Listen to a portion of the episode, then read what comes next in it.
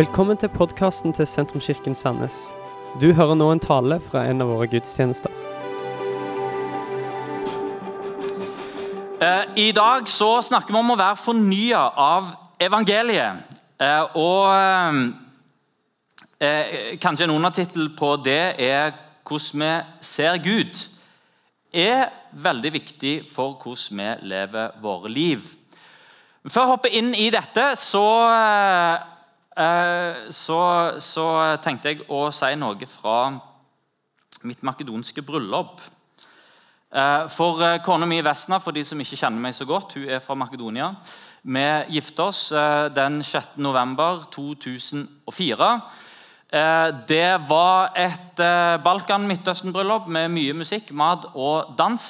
Eh, Og En annen ting som kjennetegner bryllup litt lenger sør, det er at det er veldig mye folk.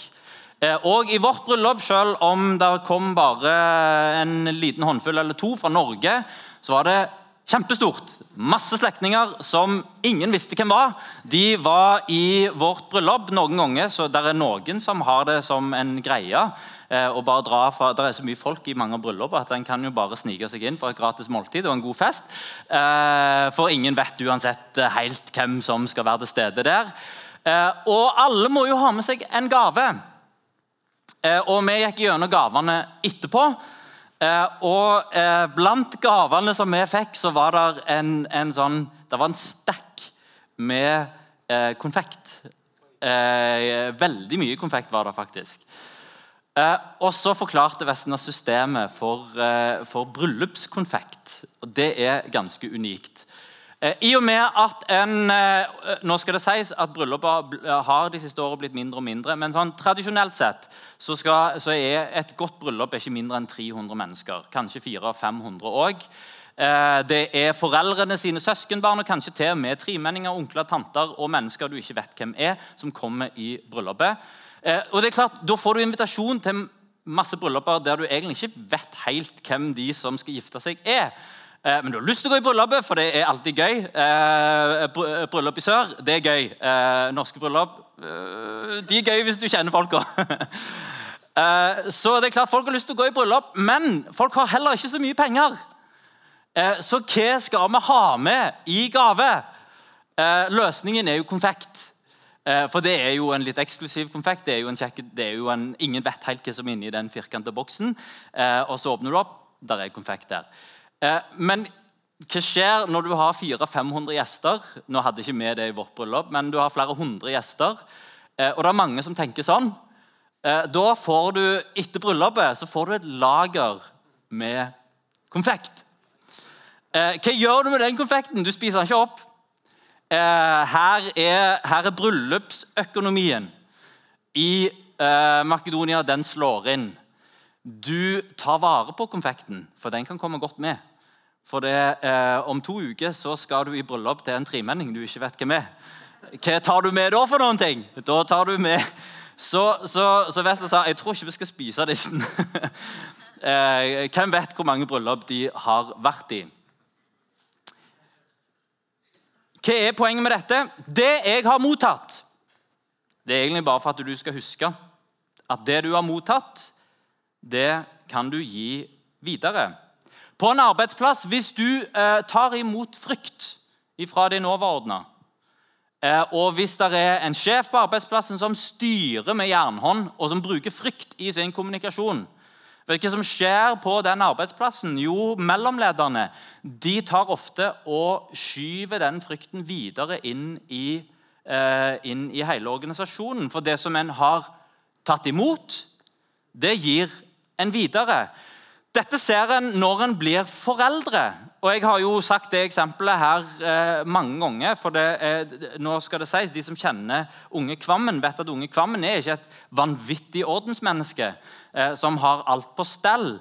Eh, men når jeg vokste opp, så sa min far til meg nesten hver dag eh, eh, Ta opp ranselen din, for den slengte jeg igjen ifra meg nede i, eh, i byslaget, så, så det heide på Jæren. Eh, og så eh, satte jeg skoene litt tilfeldig fra meg. Så han sa ta opp ranselen din, og så sett skoene på plass. Og jeg irriterte meg sånn over eh, min far, som hele tida skulle poengtere de der skoene som skulle på plass, eh, og hele tida skulle sa, ta opp ranselen. Eh, og eh, så får jeg egne barn som går på skole, og så oppdager jeg jeg er min far. De hører det daglig. Ta opp ranselen din. Sett skoene på plass. Av og til så sier jeg det ikke. Jeg bare går og setter skoene på plass for dem. For det du har mottatt fra dine egne foreldre, det ligger der som en sånn en ryggmargsrefleks. Det gir jeg videre til mine barn. Den som ønsker å si 'jeg er ikke min far', 'jeg er ikke min mor', jeg vil ikke gi videre det som mine foreldre ga til meg. Den skal være veldig bevisste på hvordan en, eh, på, på hvordan en forholder seg til sine barn. For det blir så fort at det som jeg har mottatt, det er òg det som jeg gir videre. Jeg tror at du gjenkjenner dette òg. At det er ting i livet ditt som du har tatt imot, og som preger hva som kommer ut av livet ditt. Nå er ikke vi papegøyer. Vi har kraft i oss til å eh, bryte ut av en dårlig sirkel. Og Det er jo det som Irvin McManus eh, sier, at dette er det unike med å være et menneske. Mennesket er ikke et dyr.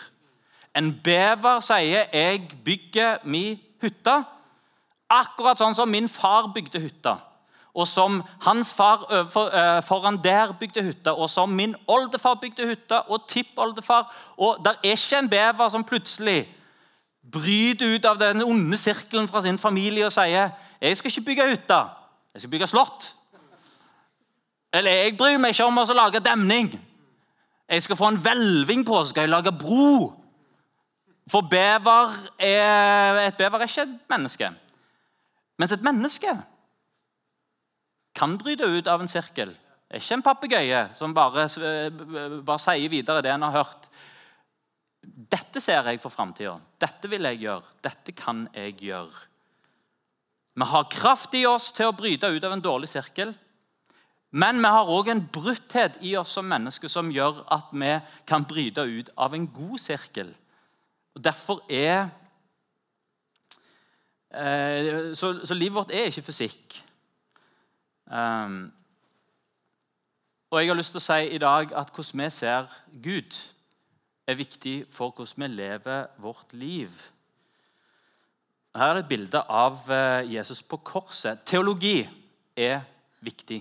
Hvordan et menneske ser Og teologi det handler om Gud, læren om Gud. Hvem Gud er, hvordan vi ser Gud, det er ekstremt betydningsfullt for hvordan vi lever våre liv. Eh, hvorfor er det sånn at kristne burde ikke i fall, bli så lett krenka om noen krenker vår tro? Eh, hvis noen brenner en bibel, så er det noen kristne som blir sure. Men, men det, det, det, er ikke, det, er ikke, verdens undergang. Hvis, noen, hvis kristne blir forfulgt og forakta, det, er ikke sånn at en former seg i minoritetsgrupper som å, vi, er, vi blir forfulgt, vi er, vi, folk hater oss, folk vil ikke ha noe med oss å gjøre. Hvorfor det, egentlig? Hvorfor er det sånn? Eh, det er vårt midtpunkt. Det er der vår tro ble grunnlagt når Jesus henger på, kors, Jesus henger på korset og dør. Eh, og, så, og Han dør ikke bare en vanlig død, han dør en slaves død. Han dør en forbryters død. Han dør, han dør sannsynligvis naken. Han er fornedra i dødsøyeblikket. Hans disipler sier nå er det ferdig. De forsvinner vekk, for det, det er over. Jesus dør. Ingen seierherre seirer ved å dø, og iallfall ikke på et kors. Sånn som en, eh, den døden som en gir til slaver og til forbrytere. Jesus han døde en nedverdigende død. En beseirer sin død. Den ubetydelige sin død. Han døde naken, forlatt og forakta. Og allikevel så er Jesus sin død, og korset sang vi om her. Ditt kors er over oss så er korset det, er det kristne seiersmerket. Det er den kristne identiteten. Det er det en henger opp på, eh, på veggen hjemme. Det er det en henger rundt halsen sin. Korset, det er min seier. Korset, det er det som jeg er merka av. Korset, det er det som har snudd livet mitt opp ned. Og hvordan vi ser Gud spikra opp på et kors, Jesus spikra opp på et kors, det har noe å si for hvordan vi ser både oss sjøl og andre. Du kan egentlig ikke fornedre en kristen. For hele den kristne troen den starta med den største fornedrelsen. Jeg har vært en del av Ungdom i oppdrag over en periode på et år. Da gikk jeg på deres bibelskole, som kalles for eh, disippeltreningsskole. Ungdom i oppdrag det starta av eh, en eh, mann som nå begynner å dra på året, som heter Lauren Cunningham. Eh, mitt år på bibelskole det fikk eh, utrolig stor betydning.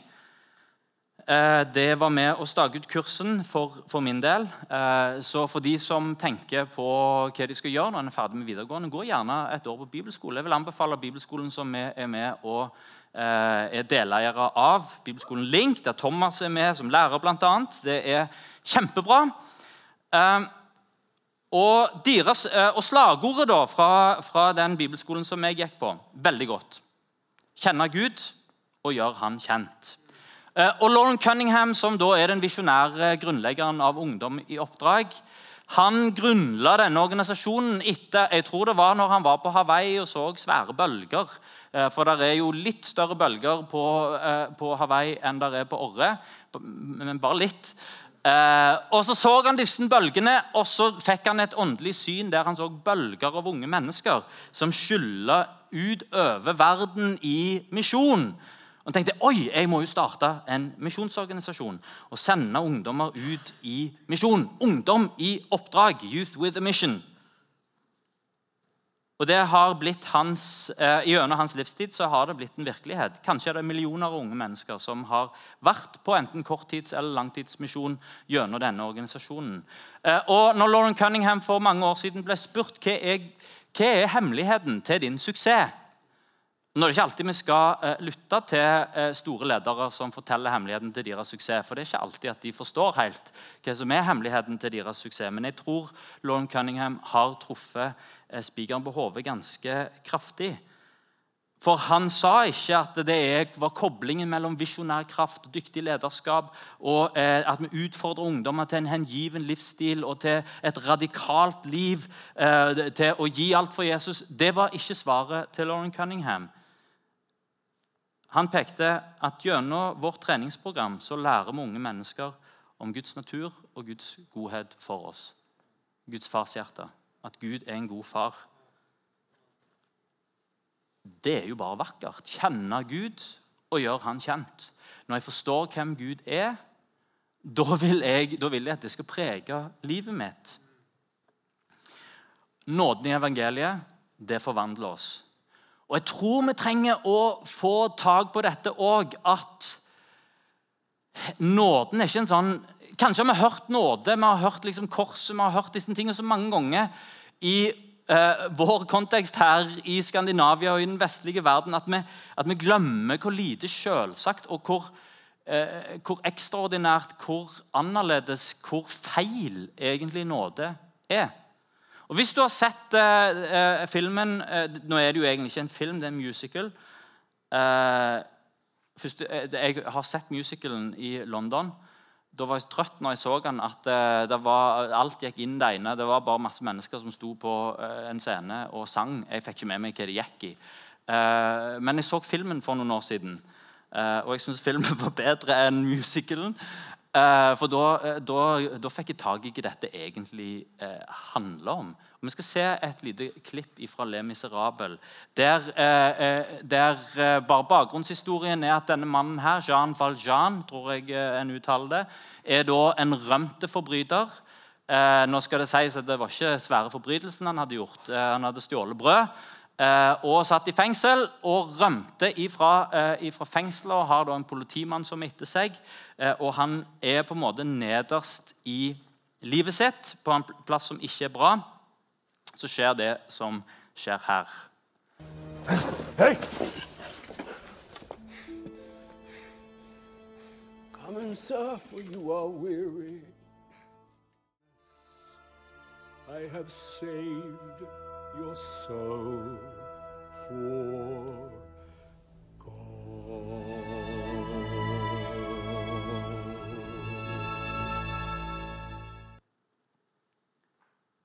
Jean Valjean han gjør virkelig det. Han bygger et nytt liv med dette sølvet, sølvet som han stjal, men som ved nåden til biskopen ble hans.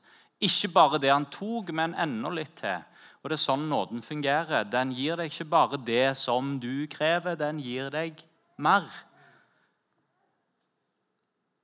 Vi snakker denne eh, september måned om hvordan radikal nåde er kobla sammen med en fornya etterfølgelse av Jesus. Og vi trenger en etterfølgelse av Jesus som er kobla på hans nåde.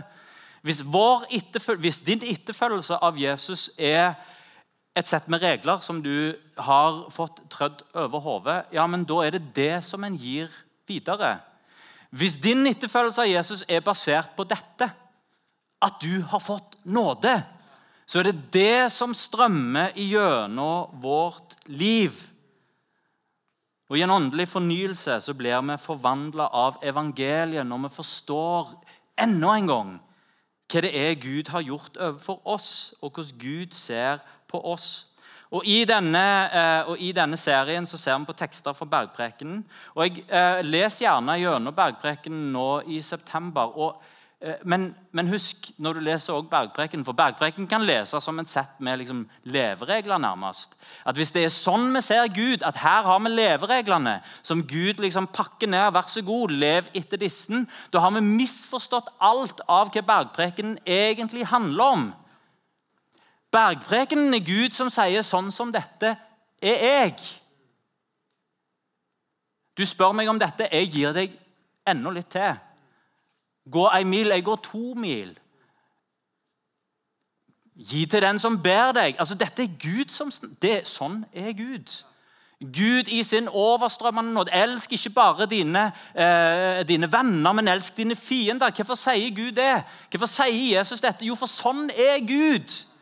Full av nåde og full av godhet. Og Nå skal vi lese en tekst fra Bergpreken som har, som, som, sikkert mange har hørt før. Jeg har lyst til å prøve å blåse litt nytt lys på den teksten. Matteus 7, 7-14. Be, så skal dere få. Leit, så skal dere finne. Bank på, så skal det lukkes opp for deg. For den som ber, han får. Og den som leiter, han finner. Og den som banker på, skal det lukkes opp for. Eller hvem av dere gir sin sønn en stein når han ber om brød? Eller gir han en orm når han ber om en fisk? Når sjøl dere som er onde, vet å gi barna deres gode gaver, hvor mye mer skal ikke deres far i himmelen gi gode gaver til de som ber han? Alt dere vil at andre skal gjøre mot dere, det skal dere òg gjøre mot de, for dette er loven og profetene, Gammeltestamentet, oppsummert i en setning. Gå inn gjennom den trange port. For vi er porten, og brei er veien som fører til fortapelsen. Og mange er de som går inn gjennom den, men trang er den port, og smal er den vei som fører til livet, og få er de som finner den.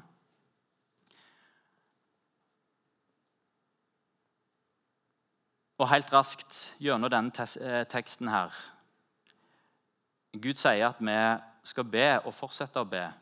Fornyelse og det å oppleve en åndelig fornyelse det handler om å banke på.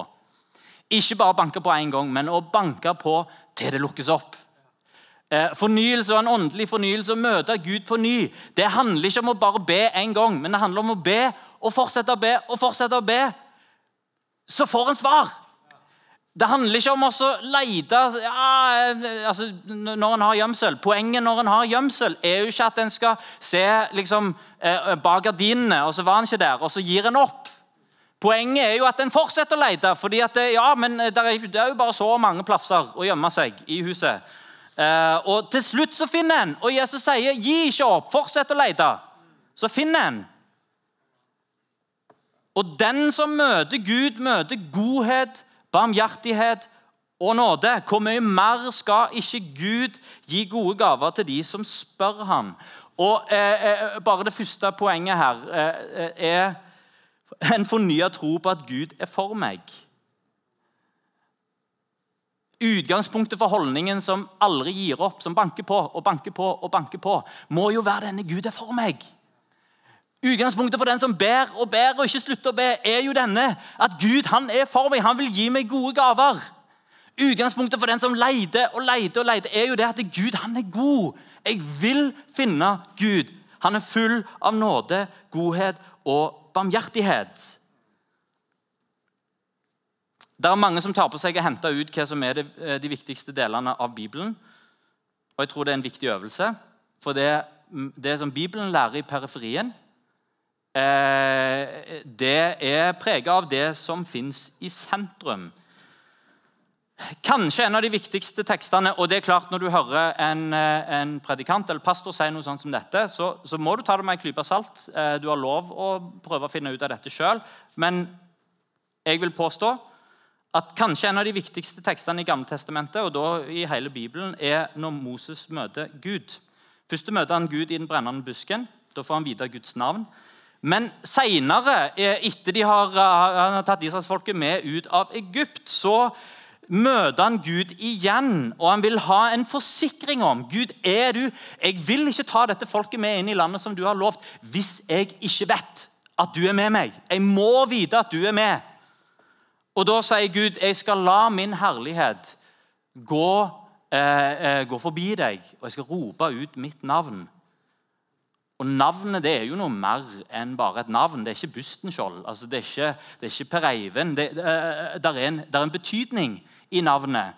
Ifra, eh, ifra, eh, ifra antikken Navnet ditt, det betyr noe.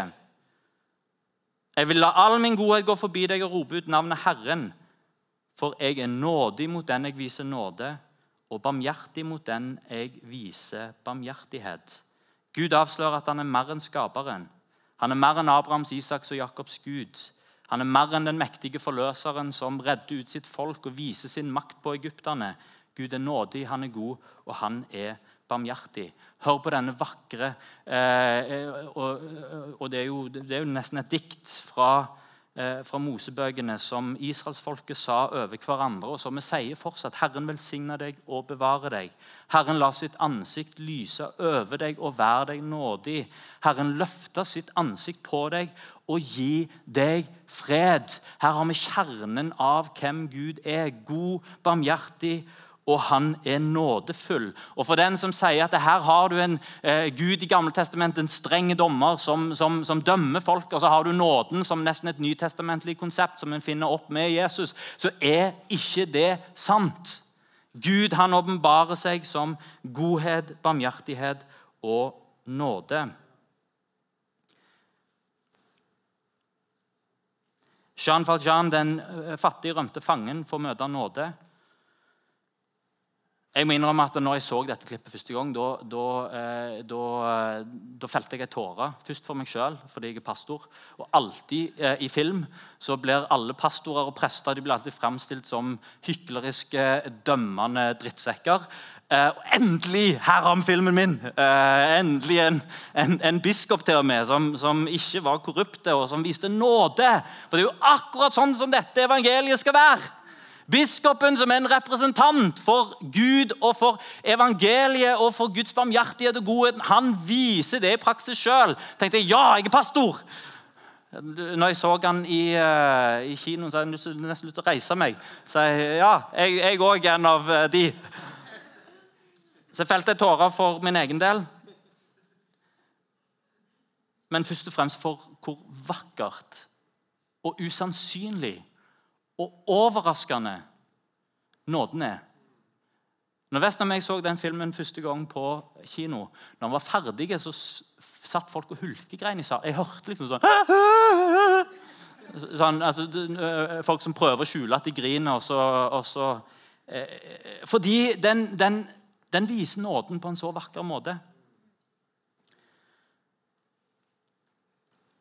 Måten vi forstår Gud på, preger hvordan vi behandler andre.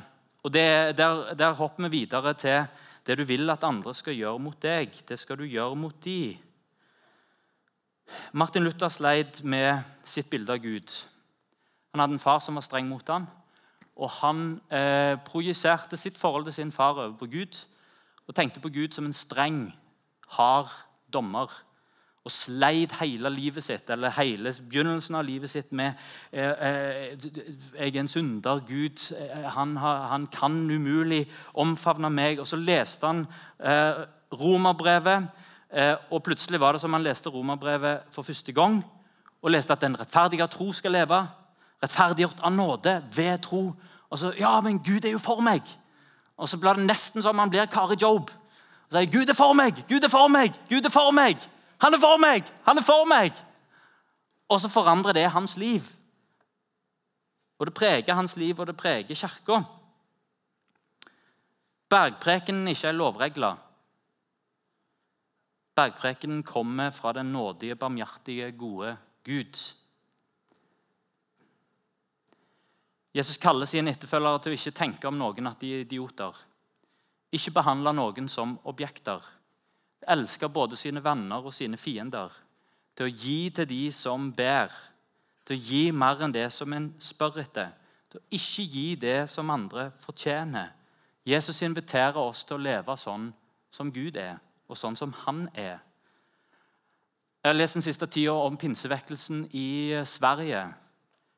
Og det er interessant, for sentralt i pinsevekkelsen så var det for 100 år siden i Sverige og i Norge så var det tungetale, kraft, profetier, forbønn, sterke møter med Gud, underholdning på møtene.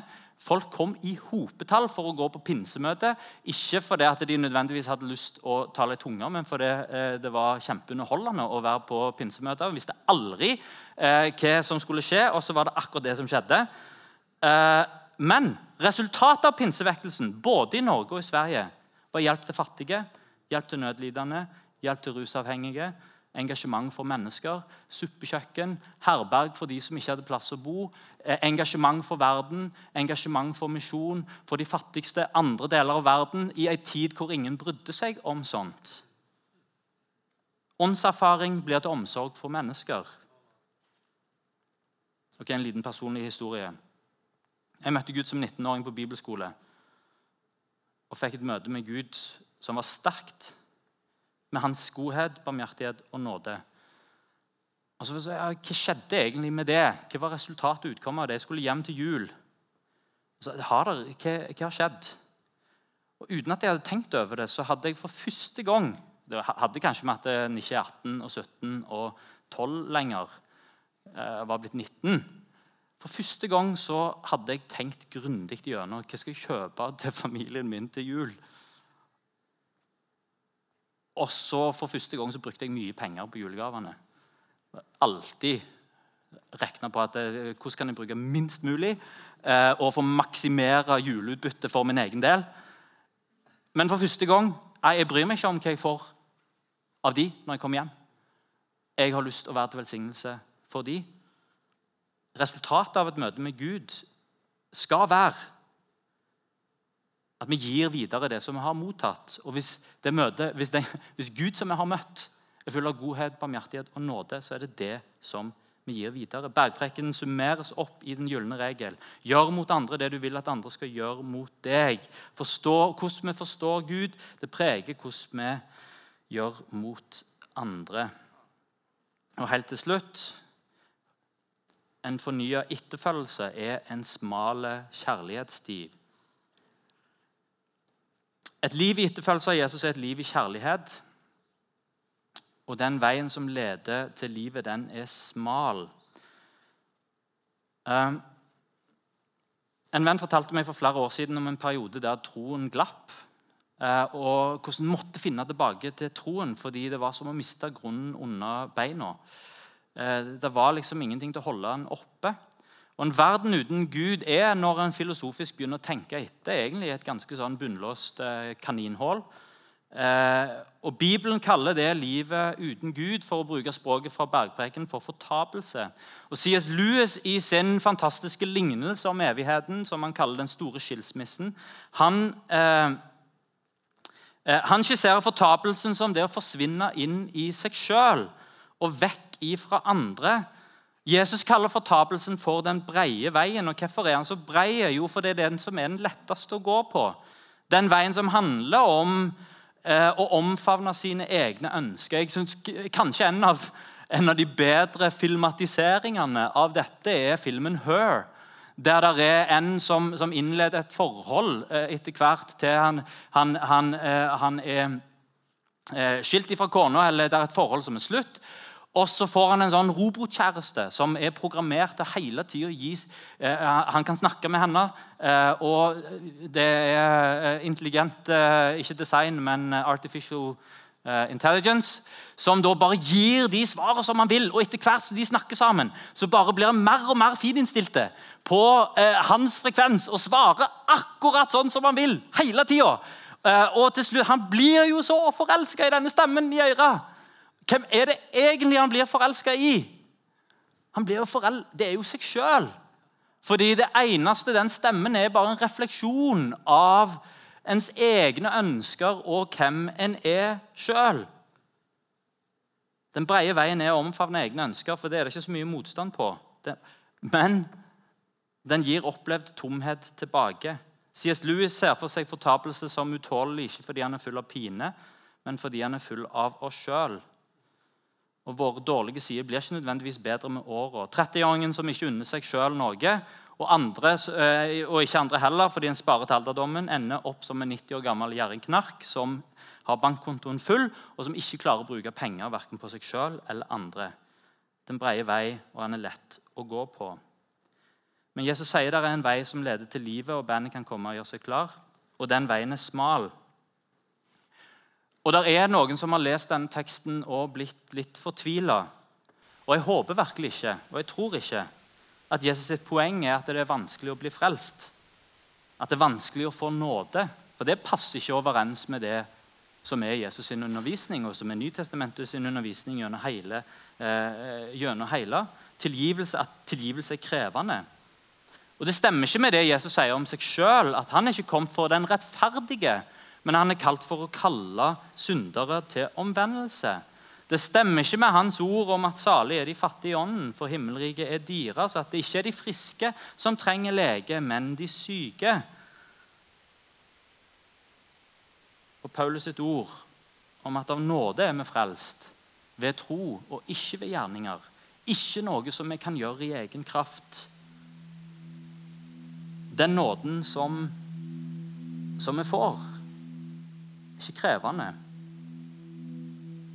Og Jesus demonstrerer hvor langt nåden strekker seg med å invitere forbrytere med sida av seg på korset til å være den første som tar imot nåden. Han gir nåde til Peter, som fornekter han i det avgjørende øyeblikket. Han gir nåde til sine disipler, som flykter fra han når han trengte de mest.